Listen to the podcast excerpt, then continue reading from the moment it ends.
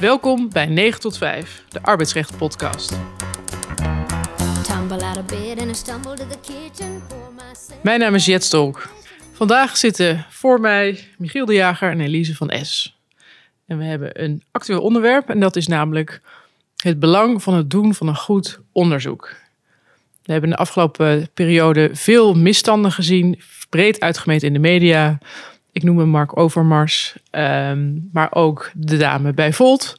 En steeds komt dan weer terug, waar ligt de grens van wat je wel mag en wat je niet mag in het kader van een onderzoek? Dus wij dachten, laten we die eens even bespreken vandaag.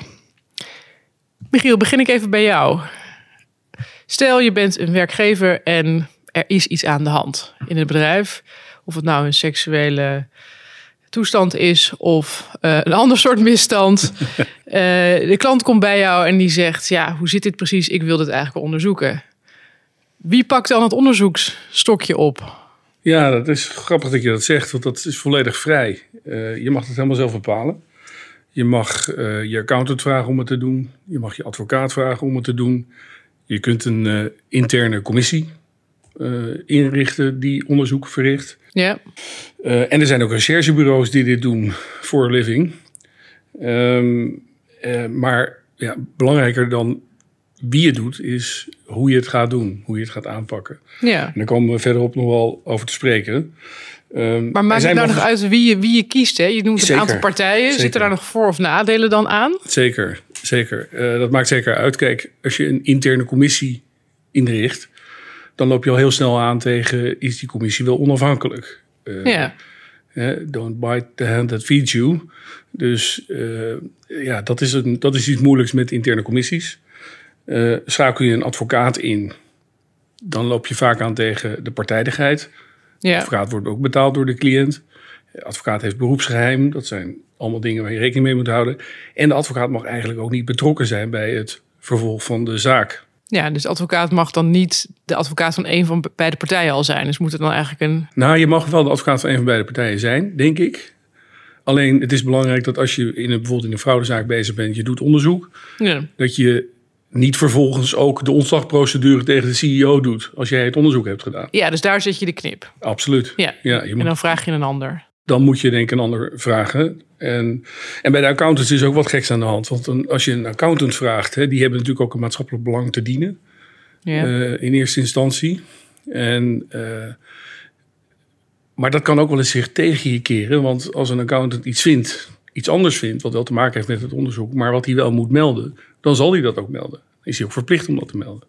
Ja, het is een soort van bijvangst in de financiële hoek, zeg maar. Ja. Dan, dan zou je eigenlijk een groter probleem kunnen krijgen dan dat je dacht dat je had met alleen Dat, dat zou kunnen, ja. de misstand. En, en tegelijkertijd eh, moet het natuurlijk gaan om waarheidsvinding. Hè? In een ideale wereld. Eh, je wil dat het ondersysteem boven komt.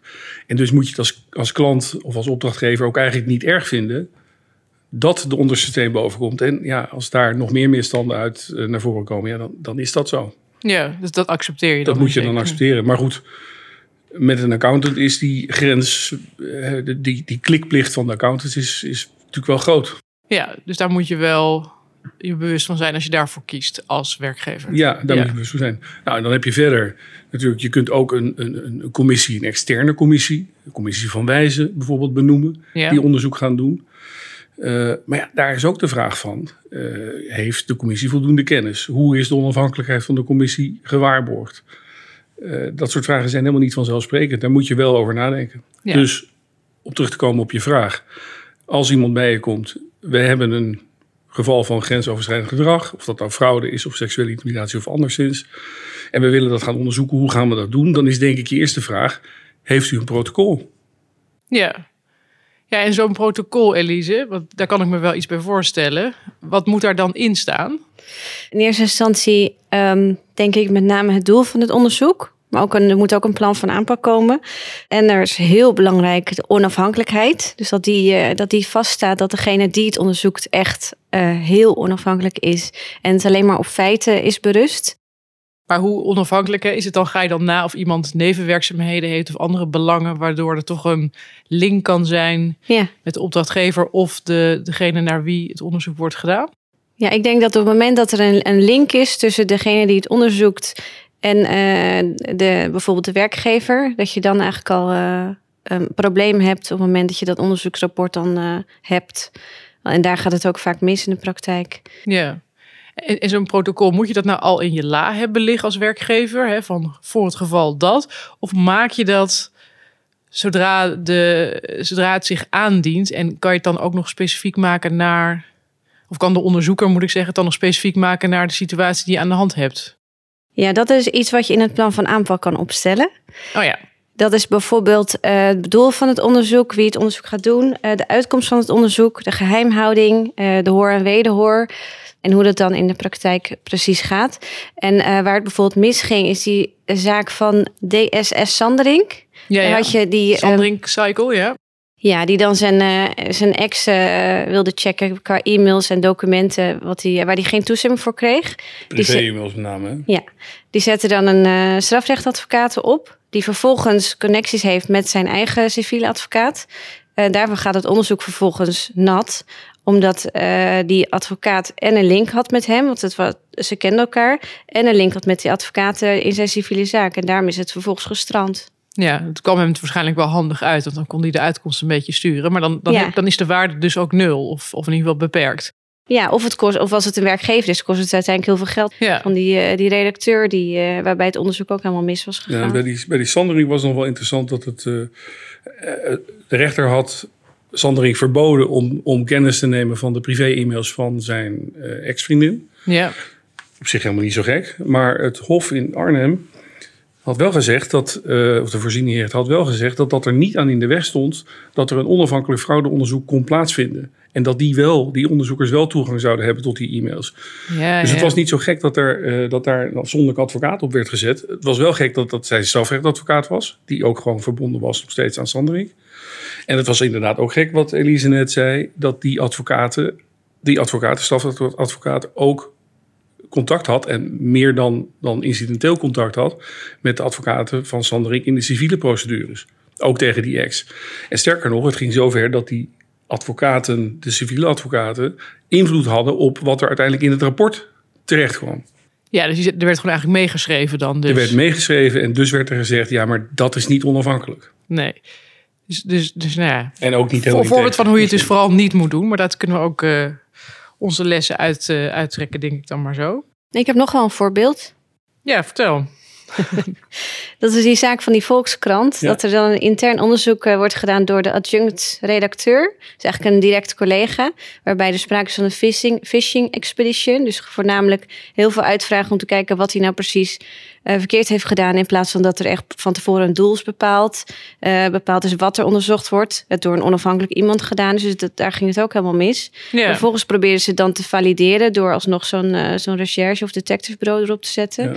Eh, die eh, hebben vervolgens die verslagen hebben ze niet, hebben ze geen horen wederhoor toegepast. En ze hebben volgens mij zijn reactie ook niet meegenomen in de uitkomst van het Nee, onderzoek. correct. Ja. Dan gaat het eigenlijk op meerdere fronten goed fout. eh. Ja. Ja, op, eigenlijk op alle fronten. Ja, Er was, er was geen protocol. Eh, het Nee. werd door een collega gedaan.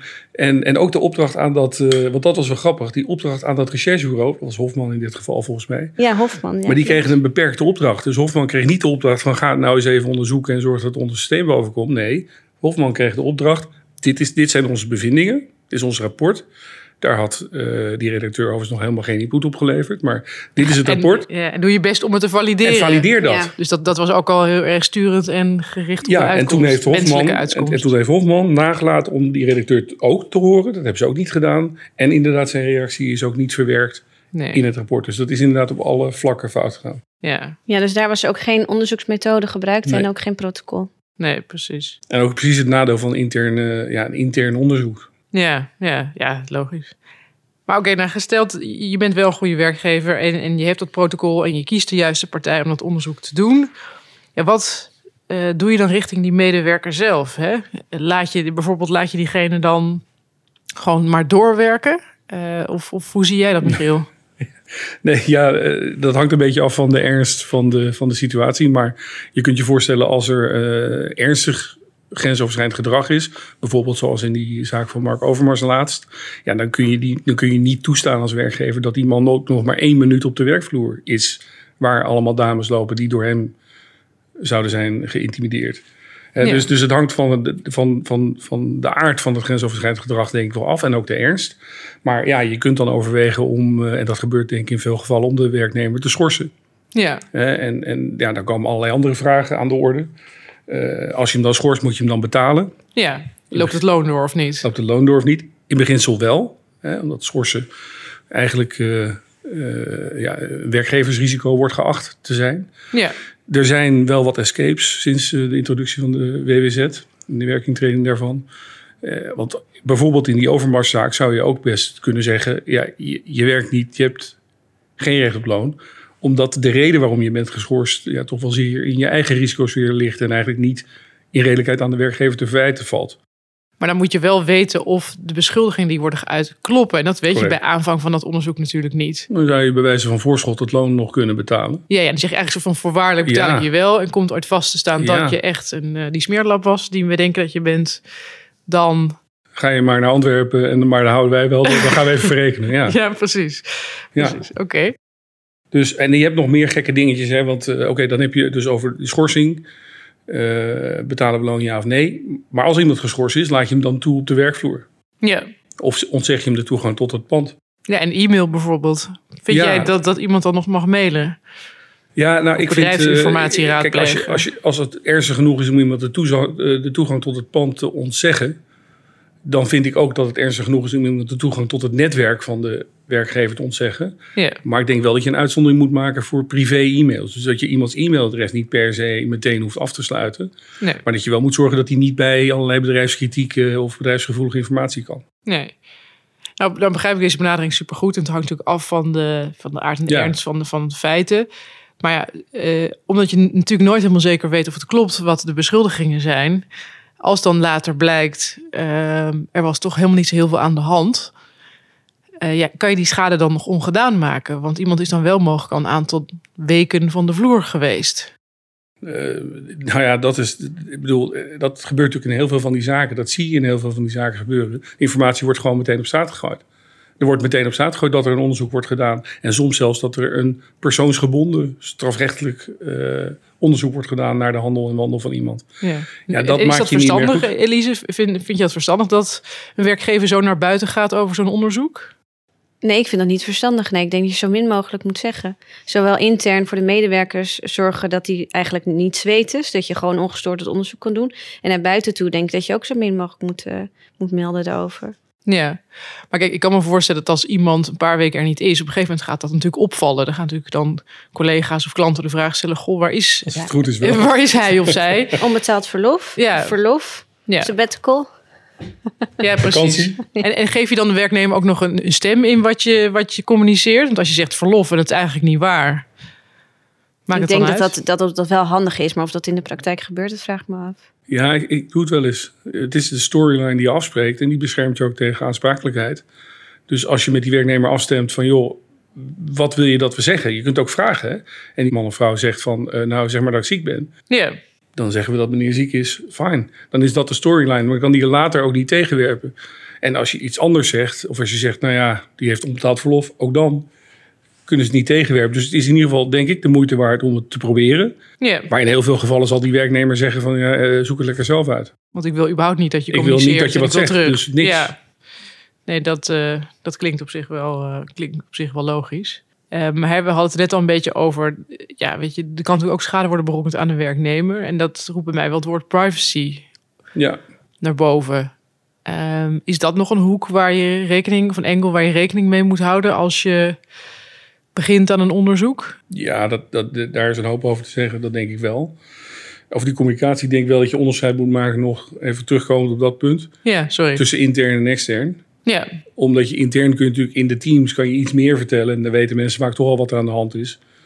Eh, die hebben die werknemer nog net niet met handboeien het pand uit zien, eh, zien wandelen, dus die weten vaak al hoe het is. ja. Eh, extern moet je voorzichtig zijn, dat is denk ik wat het... eh, Ja, En dat Ja, is- geldt ook bijvoorbeeld voor, voor... Kijk, als je een schorsing, als je een schorsing publiceert bij de Kamer van Koophandel... Dat is ook een handeling. Als bestuurder bijvoorbeeld. Als bestuurder. Ja, ja. ja. want dat, dat kan ik mij ook voorstellen, Elise. Ik weet, ik weet niet of, of jij daarmee eens bent, maar dat het niveau van de medewerker nog wel uitmaakt. Hè? En, en ook misschien de aard van de organisatie. Stel je hebt een beursfonds en het gaat om, weet ik veel, de CEO. Ja, dan zul je Mhm. misschien wel iets moeten zeggen extern. Daar waar als het om een ja, medewerker marketing gaat in een klein familiebedrijf, dat toch weer Ja. anders voelt, of niet? Maar ik denk ook dat het uitmaakt of het al bekend is. Dus of, of het al eh, eh, bekend is gemaakt door, door klagers of mensen die ermee te maken hebben gehad dat het is gebeurd. Ja, en dat is wat bij je de in de of media zo. ziet. Ja, Ja, dat is een andere situatie, ook qua communicatie, dan als het nog niet bekend is. En er zijn een paar meldingen en dat wordt eerst onderzocht. Dus dat moet je ook van elkaar onderscheiden. ja. En wat we natuurlijk zien is meteen dat, dat eh, bijvoorbeeld die Overmars en de Voice, dat is al bekend. Ja, en dan proberen ze een beetje de schade te Dat beperken. is wel grappig. Ik weet eigenlijk niet hoe dat met Overmars is gegaan. Want Ajax is natuurlijk beursgenoteerd. Ja, eigenlijk is beursgenoteerd. En dus eh, ja, is dat op vrijdagmiddag na vijf uur sluiten van de beurs toen pas bekendgemaakt? Of? Ik, ik weet niet, ik heb, Ik het niet, eh, niet. ik heb het niet gecheckt, maar ik dacht wel idee. te hebben begrepen dat het onderzoek nog loopt. Ja.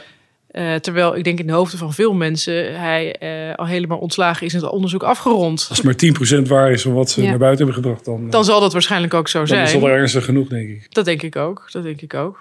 Eh, het zou wel leuk zijn geweest als we een inkijkje gehad in, in een vergadering eh, Ja, ja. bij Ajax. Maar Ja. eh, nou ja, goed.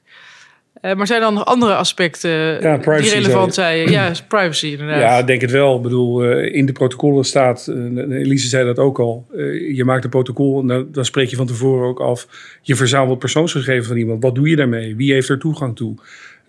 Ga je die delen? Wat gebeurt er met, de, met het rapport? Ga je dat bijvoorbeeld alleen delen met je opdrachtgever of alleen delen met het bestuur? Ehm, of met de advocaat van de, van, van de werknemer? Ja. Dat zijn allemaal dingen die je moet afwegen. eh, En, en daarvoor geldt het absoluut dat je de privacy van de, eh, zeker in hele gevoelige eh, situaties, dat je die privacy zoveel mogelijk moet waarborgen. En dat geldt bijvoorbeeld inderdaad ook in die Sanderingzaak was dat, ja, ging het om privé-e-mails van, van die mevrouw. Ja, dat, de, privacygevoeliger wordt het bijna niet. En, maar toch mocht het onderzoek daar wel betrekking op hebben. Alleen vervolgens had het niet op die manier behandeld mogen worden. Hè, Dus die informatie had niet weer terug mogen komen bij Sandering via zijn civiele advocaten bijvoorbeeld. Nee, nee, maar zaten die privé-e-mails wel op, de zakelijke, op het zakelijke Ja, dat, e-mailadres? dat denk ik wel, eerlijk gezegd. Maar goed, je hebt, een, je hebt een, een zakelijk e-mailadres. En ik denk dat je als werkgever ook, zeker als iemand gewoon fulltime voor je werkt, eigenlijk altijd aan het werk is met, met die e-mail, dat daar ook wel privé dingen op gebeuren. Ja, Dat dat, dat, lijkt me ook niet bezwaarlijk. Nee. Nee, nee, dat is ook zo. Maar daarom is het dus ook van belang dat je voorafgaand aan eh, die interviews, dat er voorafgaand een onderzoeksmethode wordt vastgesteld. En dat ook duidelijk wordt eh, wie er wordt geïnterviewd, wat er wordt gevraagd, ehm, wat het doel is van de gesprekken, of diegene een advocaat mee mag nemen. En wat er gedaan wordt met die uitkomst van die, eh, van die interviews. En of dat ook verwerkt wordt in zo'n rapport. Ja, Ook in het kader van die privacy. Ja, want Ja, dat hoeft ook niet. Hè. Je, hoeft, je kunt ook een soort van samenvatting van de interviews verwerken in het rapport, zonder dat je de hele letterlijke, uitwerking. ja. Ja. ja. Nou, dan heb je als werkgever naar deze podcast geluisterd en dan probeer je het zo goed mogelijk te doen. Ehm, en stel dat lukt, wat, wat heb je dan aan zo'n onderzoek? Wat kan je daar dan mee? Nou ja, als het, als het lukt, dan, eh, dan heb je dus een goed protocol gehad, een goed zorgvuldig onderzoek gedaan, hoor en wederhoor goed toegepast. Eh, dus de werknemer ook voldoende gelegenheid geven om zich te verweren, desnoods met zijn advocaat. En als dan toch de bevindingen van het onderzoek zijn, ja, dit, er is sprake van grensoverschrijdend gedrag, dan heb je denk ik een deugdelijke onderbouwing voor je ontslagzaak. Ja, Of, of andere zaak of een schadevergoedingsactie of wat je ook van plan bent. Maar dat, dat heb je dan in ieder geval goed gedaan. ja. En als het dus niet goed gaat, Elise, Ja, waar, waar denken we dan aan? Wat zijn dan de gevolgen? Dan eh, kost het de werkgever ontzettend veel geld. Moet hij een schadevergoeding betalen of een billijke vergoeding van eh, tonnen. Eh, omdat dan dat hele on- ja. onderzoek dan eh, Rammelt.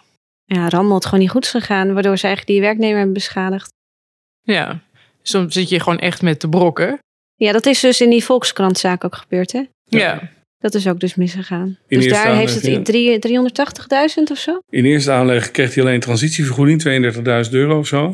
En, en toen in hoger beroep zijn ze Ja. gekomen en hebben ze de billijke vergoeding alsnog gekregen vanwege het slechte Ja. onderzoek. 370.000 euro. Ja. Dus vier ton bij elkaar. Ja. ja, dat is niet kinderachtig. Dus het belang van het goed doen is ook echt groot. Niet alleen hè, Ja. dat je de personen niet beschadigt en de werknemers en de collega's niet beschadigt, maar ook dat je zelf het financiële plaatje. Nou, de Ja. schade is niet te overzien voor een werkgever als hij het niet goed doet. Maar Dus het is gewoon echt belangrijk dat je het echt goed doet. nee, dat, dus de- Als je het doet. dat, dat is waar. Dat, dat kunnen ze niet overzien van tevoren. Nee. Maar waar je ook rekening mee moet houden, hebben we nog niet echt aangestipt. Maar als je bijvoorbeeld een accountantsclub, een grote accountantsclub, zo'n forensisch onderzoek laat doen, dat kost ook. En die onderzoekskosten zijn ook nog Ja, weer heel hoog. ex- die zijn astronomisch. Ja. Ja, Een, ja. een miljoen plus is helemaal niet gek in die, eh, in die business. Nee, maar dan gaat het om een grootschalig Dan onderzoek. gaat het om een, Ja, ja. een grootschalig onderzoek van enkele maanden. Forensisch onderzoek bijvoorbeeld naar financiële fraude. Eh, bijvoorbeeld in die Buma Stemra zaak die, eh, die eh, een paar jaar geleden heeft, heeft gediend. Daarin werd de CFO eh, ook van allerlei dingen beschuldigd. Uiteindelijk bleek daar helemaal niets van waar te zijn.